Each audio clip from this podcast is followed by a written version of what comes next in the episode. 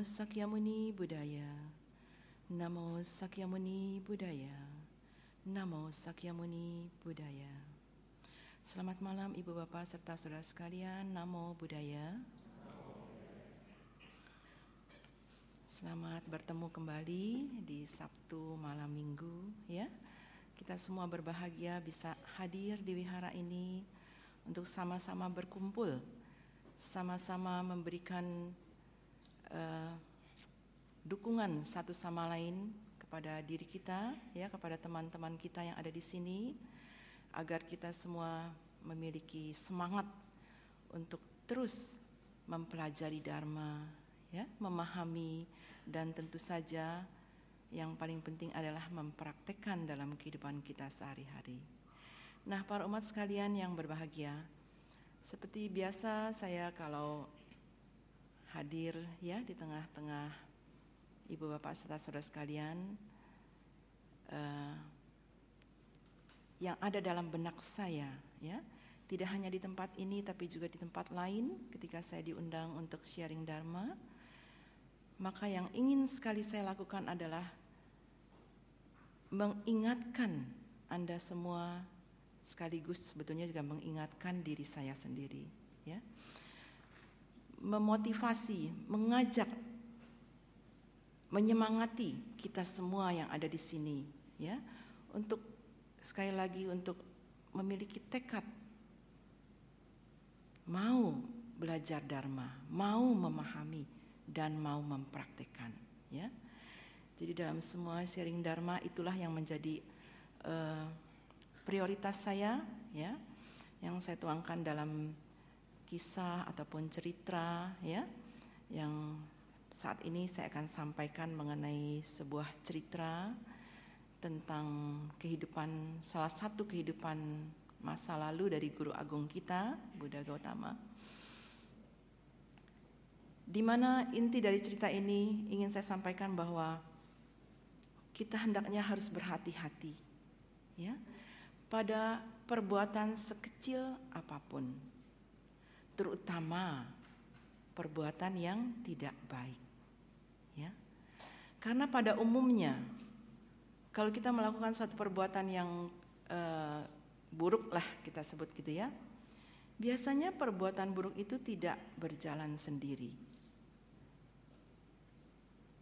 Artinya kita melakukan satu perbuatan buruk akan dengan cepat diikuti oleh perbuatan buruk yang kedua, yang ketiga, dan seterusnya. Nah, kita lihat dari cerita yang akan saya sampaikan uh, tentang salah satu kehidupan dari Buddha Gautama. Ya, dikisahkan pada saat itu ada dua orang pedagang uh, apa ya tembikar, tahu tembikar, tanah liat, guci gitu ya, barang-barang dari tanah liat, pot-pot bunga gitu ya. Nah, dua orang pedagang ini sama pandainya, sama piawainya dalam menjual barang dagangannya. Jadi sama-sama uh, jualannya laku gitu ya. Nah, cuma dua orang ini memiliki karakter yang sangat berbeda. Ya, kita akan tahu di belakang karakter seperti apa yang dimiliki oleh dua pedagang ini. Kepandaiannya sama, ya. Sama-sama mumpuni sebagai seorang pedagang. Nah, dikisahkan satu saat pedagang A, kita sebut saja pedagang A, dia sedang menjajakan dagangannya. Kemudian tiba di satu rumah, ya, yang kelihatannya sih bukan rumah yang bukan rumah yang cukup layak lah gitu ya. Artinya keluarga itu termasuk uh, di bawah garis gitu ya kemiskinan. Nah, pedagang A ini sampai ke rumah tersebut, keluarlah seorang nenek-nenek ya.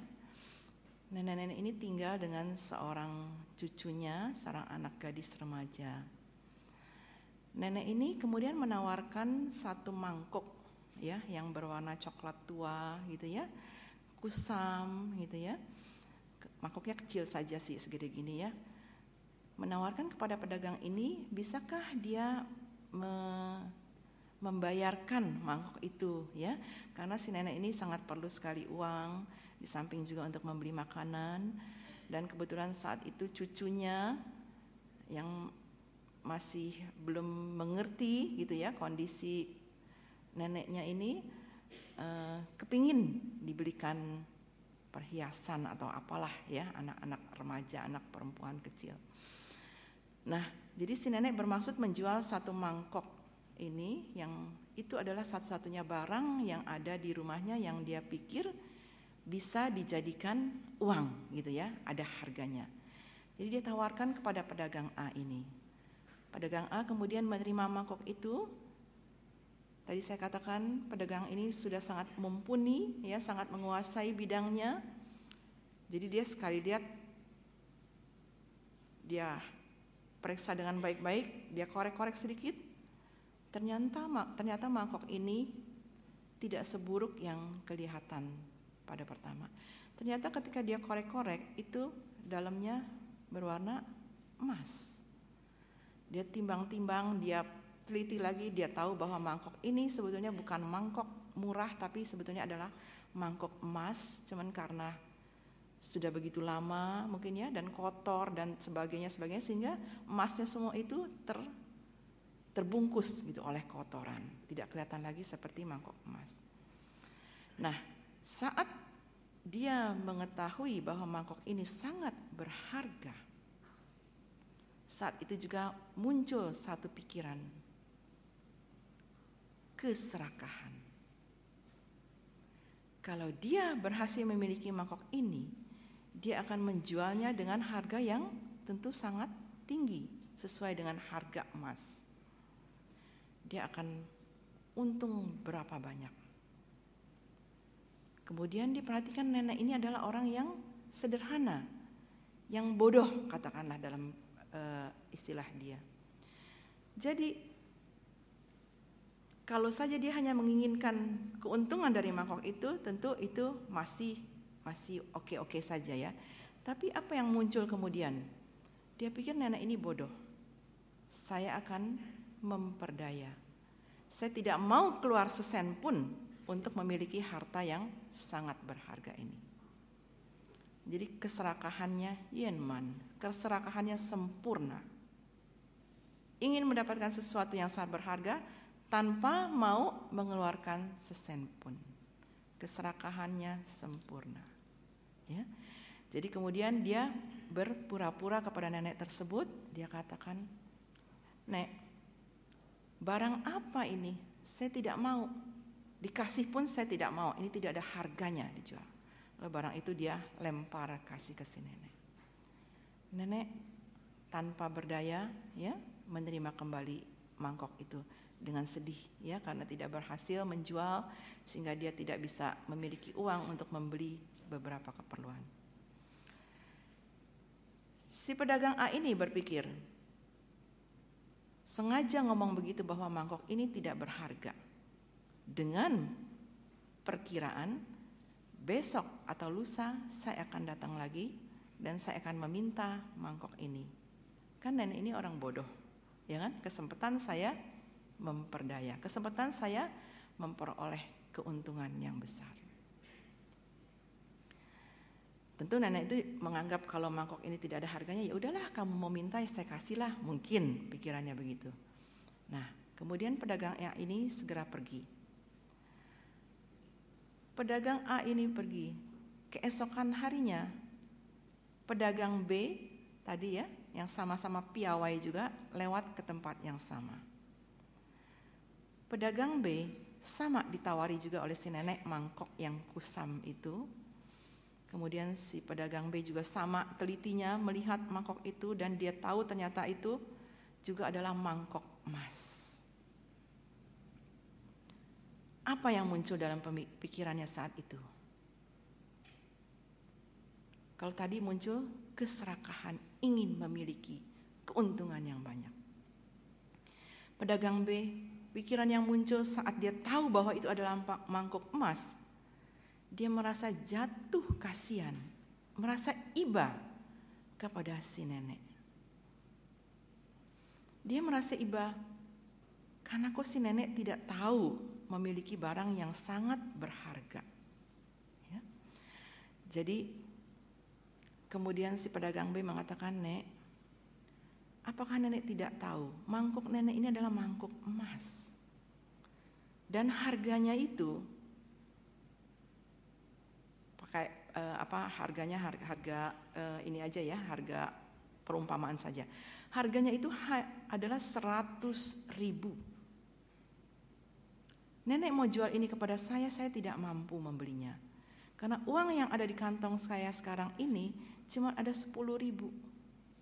Dan beberapa barang dagangan yang saya miliki.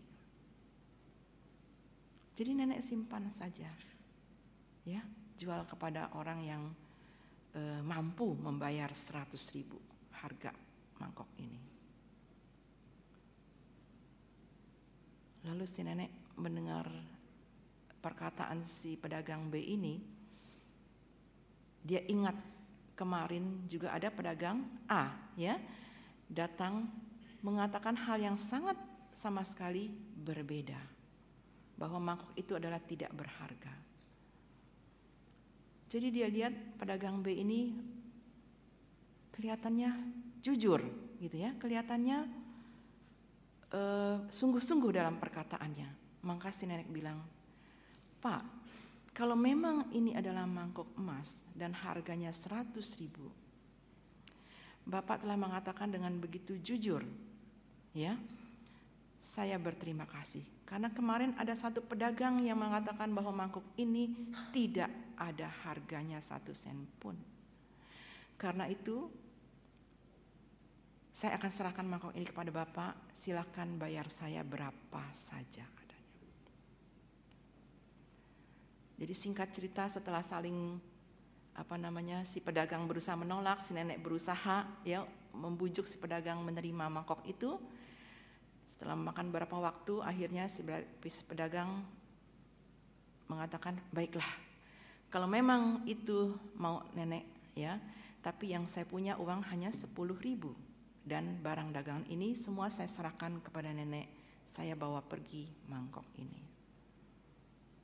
Dan nenek saya sudah sangat berterima kasih karena bapak sangat jujur. Ya. Jadi terjadilah transaksi itu, mangkok emas ini dibawa oleh pedagang B dan barang-barang dia serahkan kepada si nenek. Nah, pedagang B kemudian bergegas pergi, ya, dia ingin segera me, menguangkan menjual mangkok yang sangat berharga ini. Dan dia juga tahu dari cerita si nenek bahwa kemarin sudah ada pedagang A yang dia kenal itu juga yang ternyata telah tidak jujur terhadap nenek. Jadi dia berpikir kalau teman saya itu si pedagang A tahu bahwa mangkuk ini sudah saya bawa, tentu dia akan sangat tidak senang hati, ya, tidak happy. Jadi dia bergegas pergi meninggalkan tempat itu. Betul saja tidak lama berselang si pedagang A yang kemarin datang itu datang lagi, ya, dengan maksud untuk mendapatkan mangkok itu secara gratis karena dia pikir dia berhasil memper daya si nenek yang sederhana ini. Ketika si nenek bertemu dengan pedagang A, si nenek langsung uh, apa namanya komplain ya, langsung marah-marah. Bapak ternyata tidak jujur, ya, karena baru saja ada seorang pedagang mengatakan bahwa itu adalah mangkok emas dan bla bla bla bla dia ceritakan. Saya sudah serahkan mangkok itu kepada pedagang B. Nah, mendengar hal itu, tentu saja dapat kita bayangkan betapa perasaannya si pedagang A. Ya, sudah berpikir akan mendapat kejatuhan bulan, ya. Sekarang bulannya tidak muncul karena mendung, ya. Jadi tidak mendapatkan sama sekali, kehilangan harta yang dia anggap sudah ada di tangan. Dan dia tahu siapa pedagang yang mendapatkan ini. Tidak lain adalah temannya itu, pedagang B. Jadi dia tanya kepada si nenek ke mana pedagang itu pergi ke arah sana. Si nenek kasih tahu ke arah sana. Dia kejar si pedagang B. Kejar sampai belum belum ketemu juga sampai satu tepi sungai, ya. Ternyata si pedagang B sudah naik perahu menyeberang sungai. Jadi si pedagang A merasa tertinggal, dia panggil-panggil si pedagang B dengan panik, dengan eh, apa namanya marah, ya kan? Manggil kembali bahwa itu adalah sebetulnya mangkok itu adalah hak dia karena dia yang pertama kali ketemu si nenek dengan berbagai cara. Nah, di tengah kemarahan yang sangat memuncak, kekecewaan karena kehilangan kesempatan untuk memiliki harta yang begitu besar. Ya. Akhirnya si pedagang A ini eh, apa menjadi kurang sadar, ya, menjadi kurang sadar akhirnya dia berlari ke sana ke sini di tepian sungai dan akhirnya dia kemudian tercebur di sungai. Singkat cerita dia tenggelam, ya.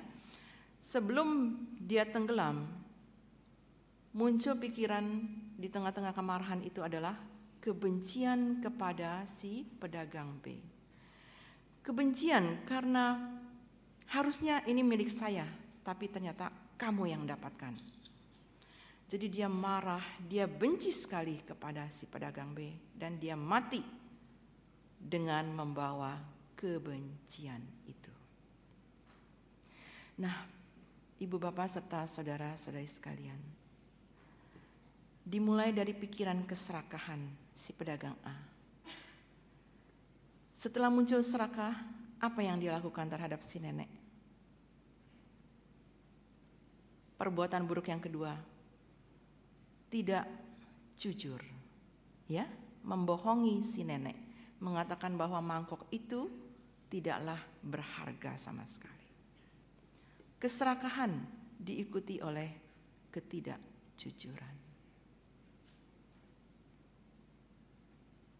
Ketidakjujuran, kemudian karena dia benar-benar ternyata kehilangan mangkok itu, diikuti oleh kemarahan, kebencian terhadap orang yang dianggap merampas kesempatannya untuk memperoleh keuntungan, yaitu si pedagang B. Keserakahan diikuti oleh ketidakjujuran, ketidakjujuran kemudian diikuti oleh kebencian, kemarahan. Jadi tadi di awal saya katakan bahwa jarang sekali perbuatan kita, terutama perbuatan buruk yang datang sendiri. Ya, dia akan selalu diikuti oleh teman-temannya. Karena itu saya ingin mengingatkan Anda semua dan juga diri saya sendiri. Marilah kita lebih berhati-hati dalam melakukan satu perbuatan, apakah dengan pikiran, kata-kata, maupun badan jasmani. Karena kita pikir kita cuman ingin memiliki barang orang lain, tapi ternyata kita telah melakukan berbagai perbuatan-perbuatan buruk lainnya. Ya. Nah, kemudian kebencian yang dibawa dibawa mati, ya. Jadi sesaat sebelum dia meninggal, pikirannya dipenuhi oleh kebencian kepada pedagang B. Nah, itu membawa dia untuk terlahir kembali, terlahir kembali dan bertemu dengan orang yang sama dalam setiap kehidupan ini. Dia selalu bermusuhan, selalu membenci, selalu menendam dan berusaha menyakiti uh, orang yang dia benci ini, pedagang B ini. Siapakah pedagang A dan pedagang B ini? Pedagang A tidak lain adalah guru Buddha Gotama. Pedagang B tidak lain adalah ada yang bisa kira-kira? Dewa Data. Dewa Data yang dalam setiap kehidupan bertemu dengan Buddha selalu menjadi musuh terbesar. Sehingga dalam kehidupan terakhir ketika beliau menjadi Pangeran Siddhartha dan kemudian menjadi Buddha, Dewa Data yang sebetulnya punya hubungan saudara sebagai ipar ya dari Pangeran Siddhartha. Dewadatta itu adiknya putri ya saudara. Tapi karena kebencian dendam yang dimulai dari saat mereka beliau berdua itu sebagai pedagang A dan pedagang B. Itu tidak dikikis, bahkan berakumulasi, bertumpuk terus dari kehidupan dan kehidupan dan kehidupan selanjutnya. Sehingga dalam kehidupan terakhir sebagai Pangeran Siddhartha, ya, sebagai Buddha Gotama, mungkin Bapak Ibu Saudara Saudari sudah tahu apa yang dilakukan oleh Dewa Data terhadap beliau.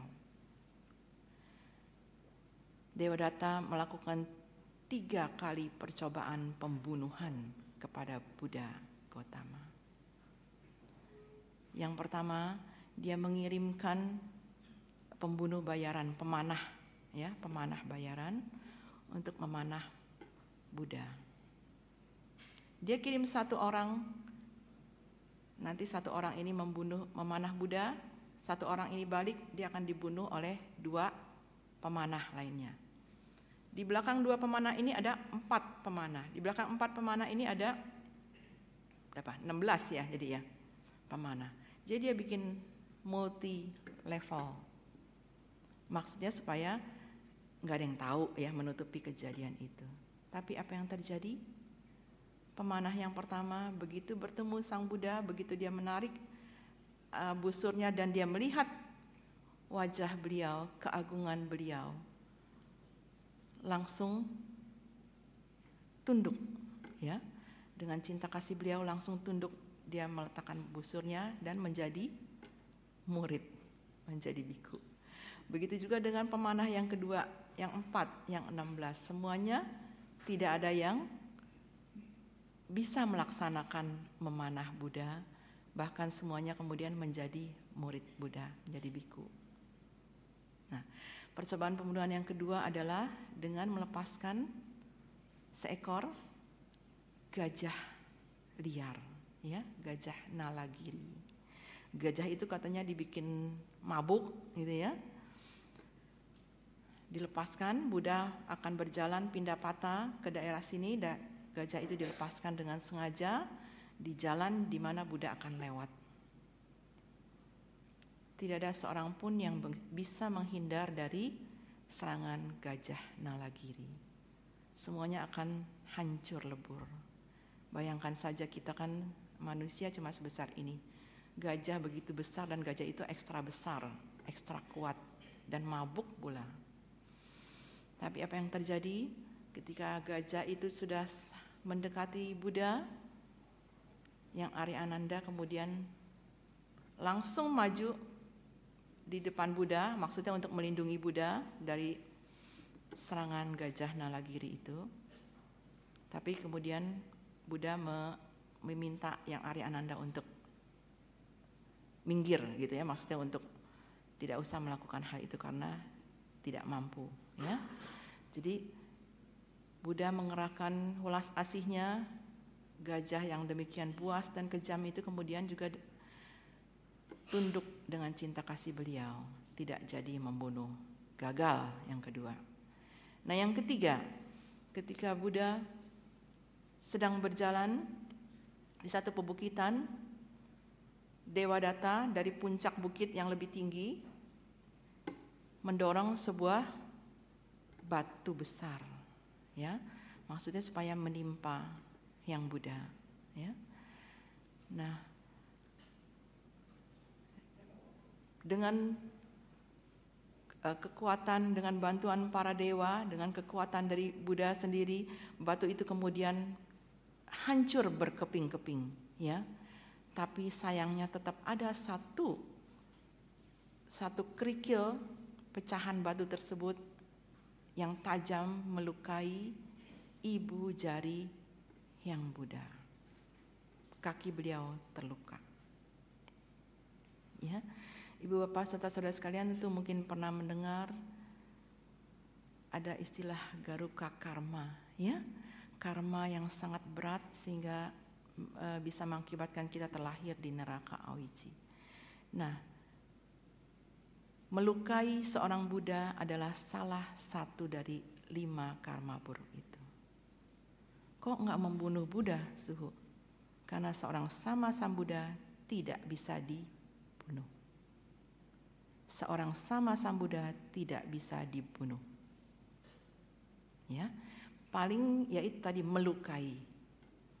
Nah, itulah yang dilakukan oleh Dewa Data bermaksud membunuh tapi tidak berhasil hanya melukai ibu jari kaki beliau. Tapi itu adalah satu karma buruk yang sangat besar. Ya. Maka kita ketahui kemudian Dewa Data di kemudian hari bagaimana akhir hidupnya? Ada yang tahu?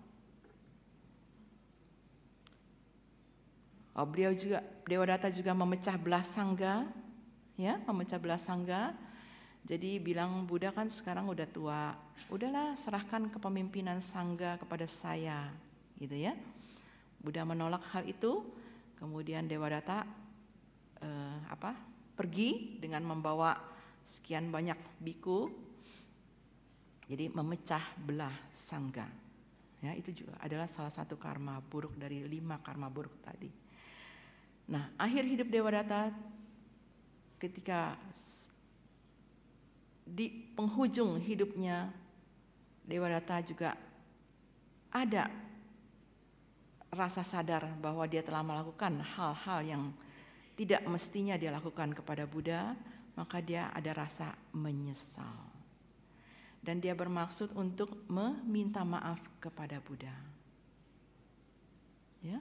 Jadi murid-muridnya mengabarkan kepada Buddha bahwa Dewa Data ingin datang menemui Buddha dan ingin meminta maaf. Buddha katakan, dia tidak akan pernah dapat menemuiku.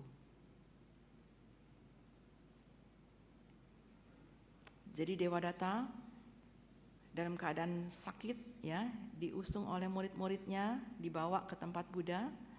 Pada saat itu uh, mereka beristirahat di satu tempat karena perjalanan yang jauh. Tanduknya Dewa Data diletakkan ke tanah, ya. Mereka ingin beristirahat, murid-muridnya mungkin ingin membasuh muka, membasuh kaki dan sebagainya. Nah, ketika Dewa Data menjejakkan kakinya di bumi, ya, pada saat itulah bumi terbelah dan Dewa Data ditelan bumi. Ya, itulah akhir hidup seorang yang melakukan hmm, garuka karma. Ya, nah ibu bapak serta saudara-saudari sekalian. Lalu bagaimana kita apakah kita akan kalau kita sudah melakukan hal seperti tadi seperti dewa data ketika menjadi pedagang Apakah semuanya cerita kita akan berakhir seperti Dewa Data? Apakah kita akan memiliki kebencian yang tidak putus kepada orang? Tentu saja tidak. Kenapa Dewa Data berakhir seperti itu? Karena dalam setiap kehidupan, dia tidak menyadari. Dia tidak menyadari akan perbuatan buruknya itu dia tidak merasa bersalah. Kalau kita tidak merasa bersalah, bagaimana kita bisa memperbaiki yang disebut kesalahan itu? Orang saya nggak salah kok, namanya nggak salah apa yang mesti dibetulkan. Namanya nggak rusak apa yang mesti diperbaiki. Nah kita semua yang ada di sini yang sudah sering kebaktian ya, sudah sering mendengarkan dharma, belajar.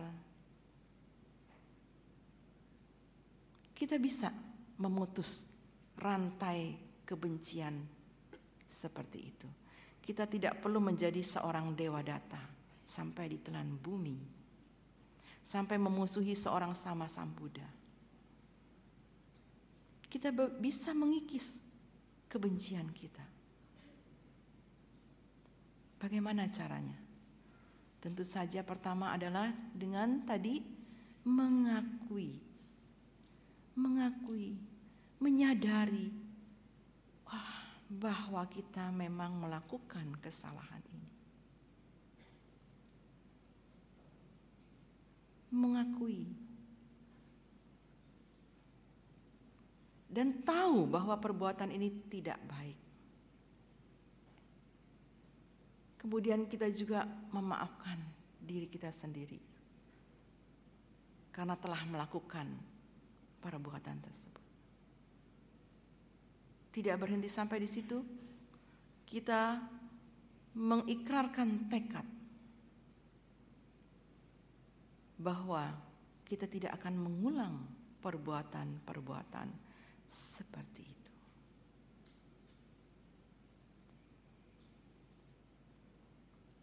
Lalu kita juga memohon maaf kepada orang atau siapa pun makhluk-makhluk yang telah kita lukai, yang telah kita sakiti. Walaupun mungkin kita kan nggak tahu ya, apalagi sudah kehidupan-kehidupan demi kehidupan. Tapi kita bisa melakukan itu semua di hadapan para Buddha, para Bodhisattva. Kita hadir di depan altar beliau. Dengan penuh kesungguhan hati kita nyatakan bahwa kita mengakui kesalahan-kesalahan yang telah kita perbuat. Dan kita memohon maaf kepada pihak-pihak yang telah dirugikan oleh kita. Dan di hadapan para Buddha, para Bodhisattva kita menyatakan tekad saya akan memutus rantai karma ini, rantai kebencian ini. Nah, setelah melakukan tekad itu, kita melakukan banyak perbuatan-perbuatan baik. Kalau kita dulunya sering uh, merugikan orang lain, menyakiti orang lain, maka sekarang kita berbalik, kita sering menolong orang lain kita menjadi peduli kepada orang lain. Kita berbelas kasihan terhadap orang lain. Kita selalu memiliki keinginan dan melaksanakan keinginan tersebut untuk menolong mereka yang membutuhkan pertolongan.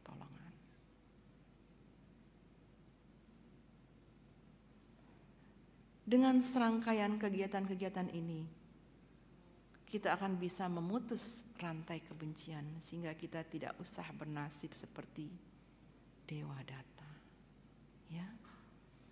Kalau orang Jakarta bilang amit-amit, ya, amit-amit sampai bermusuhan dengan seorang Buddha, apalagi sama sang Buddha.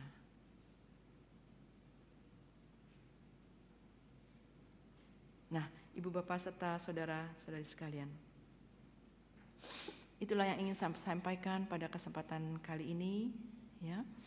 Jadi hendaknya kita waspada dengan perbuatan sekecil apa pun, ya.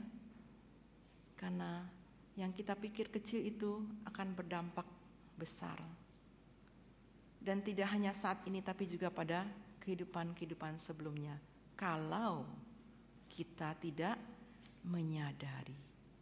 Kalau kita tidak mau memperbaiki.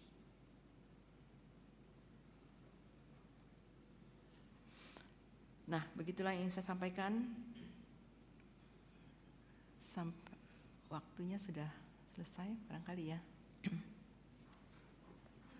Kalau tidak ada yang bertanya, saya ada utang satu jawaban ya waktu terakhir saya ceramah di sini itu saya bicara tentang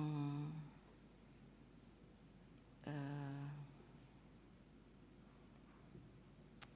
apa namanya ulambana ya masih ada yang ingat? Saya bicara tentang ulambana berdasarkan sutra di ulambana sutra di mana dikatakan yang Arya Mahamogalana uh, menolong ibu beliau yang terlahir di alam setan kelaparan ya saat itu ada yang mengajukan pertanyaan, belum saya jawab. Pertanyaannya adalah apakah seorang arhat masih bisa melakukan satu karma? Ya, yang Arya Mogalana adalah seorang arhat. Apakah masih bisa melakukan satu karma? Ya. Nah, Ibu Bapak serta saudara sekalian, secara singkat saya coba jawab. Yang Buddha katakan para biku, cetana itulah yang kusebut karma. Apa yang dimaksud dengan cetana? Niat. Niat. Ya, cetana itu niat yang berdasarkan ke yang memiliki pamrih kepada diri sendiri. Jadi kalau dipertanyakan apakah para arhat bisa melakukan karma? Bisa. Itu dalam Dhammapada banyak sekali diceritakan para arhat menolong orang-orang. Salah satunya yang Arya Maha Kasyapa. Ya. Ketika beliau baru bangkit dari meditasi yang sangat mendalam, yang Arya Maha Kasyapa, ya salah satu murid utama beliau, murid utama Buddha Gautama, beliau me, memindai seluruh dunia di mana orang yang bisa beliau tolong pada saat itu. Jadi beliau baru bangkit dari meditasi yang sangat mendalam, dipenuhi oleh uh, apa namanya sinar atau keberkahan yang luar biasa. Beliau melihat siapa makhluk yang bisa menggunakan kesempatan ini. Jadi kemudian beliau lihat ada seorang uh, nenek tua yang sangat papa, sangat miskin sekali. Ya. Beliau ingin memberikan kesempatan kepada nenek tua ini untuk berdana. Jadi yang Arya Mahakasyapa melakukan perbuatan menolong nenek tersebut dengan cara beliau datang ke rumah si nenek pindah patah memohon dana makanan. Ya. Lalu nenek itu keluar, nenek itu mengatakan, Bante, saya tidak bisa memberikan apa-apa, bahkan untuk makanan saya sendiri pun tidak ada. Yang saya makan, yang akan saya makan ini pun adalah bubur kemarin yang sudah basi. yang Arya Mahakasyapa mengatakan kabar si nenek itu. Apa pun yang kau miliki, kau boleh persembahkan kepada saya. Tapi ini sudah basi. Tidak masalah. Jadi kemudian setelah diyakinkan nenek itu mempersembahkan bubur yang kemarin yang sudah basi, yang sebetulnya dia juga akan makan sebentar lagi. Dia persembahkan kepada yang Arya Mahakasyapa. Yang Arya Mahakasyapa menerima dana makan itu kemudian beliau memakan dengan tenang di hadapan si nenek. Bubur basi su. Bagi seorang arhat tidak ada efeknya. Ya, bagi kita makanan pagi siang nggak mau dimakan. Bagi seorang arhat itu tidak ada artinya sama sekali. Ya. Jadi de, yang Arya Mahakasyapa melakukan perbuatan itu, meminta dana makanan kepada si nenek adalah dalam rangka menolong si nenek ini agar dia terangkat dari kehidupannya yang menderita. Jadi si nenek karena memang sudah sangat tua ya, kemudian besoknya kalau nggak salah meninggal, meninggal terlahir di alam dewa. Jadi ketika diperbincangkan bagaimana nenek itu yang seumur hidup tidak pernah berdana pada saat terakhir sebelum meninggal dia berdana makanan basi bahkan kepada sang arhat. Ya itulah jasa mempersembahkan makanan. Yang Arya Mahakasyapa melihat hal itu jadi beliau lakukan sehingga dapat menolong si nenek. Ya, Nah ini ada beberapa kisah-kisah lain dari para arhat yang melakukan juga hal-hal untuk menolong para makhluk yang memang karmanya sudah cukup matang ya jadi sekali lagi karma cetana itulah yang kusebut karma ya cetana artinya uh, niat kalau kita niat yang disertai oleh pamrih pada diri sendiri. Ya. Uh, mudah-mudahan uh, jawaban ini bisa dipahami dengan baik. Ya.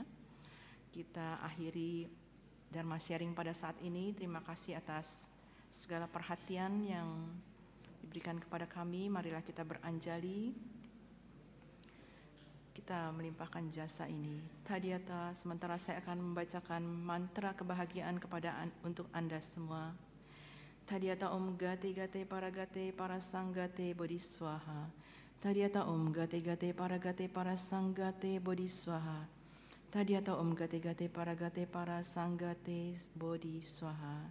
Semoga Anda semua memperoleh berkah dalam hidup ini, sehat lahir dan batinnya, panjang usia, memperoleh ketenangan, kedamaian, keharmonisan dalam keluarga, murah rezeki, kebahagiaan, dan berkembangnya benih kebijaksanaan di dalam diri kita semua, agar kita dapat menjadi murid Buddha yang baik, yang memiliki tekad untuk mempelajari, memahami, dan melaksanakan Dharma dalam kehidupan kita demi kebahagiaan semua makhluk.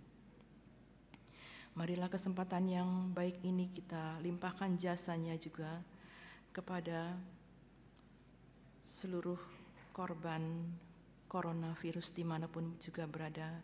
Semoga mereka dapat memperoleh kesembuhan dan yang telah meninggal semoga dapat segera terlahir ke alam yang berbahagia. Kita limpahkan jasa juga dan pengenang juga kepada Bapak Pandit J. Kaharudin. Semoga dengan keyakinan dan jasa-jasa beliau dalam Buddha Dharma dapat menyebabkan beliau segera terlahir ke alam yang berbahagia. Akhirnya kita lemparkan jasa ini kepada semua makhluk yang ada di tempat ini. Semoga mereka pun turut berbahagia. Sabi sata bawantu suki tata. Semoga semua makhluk hidup berbahagia.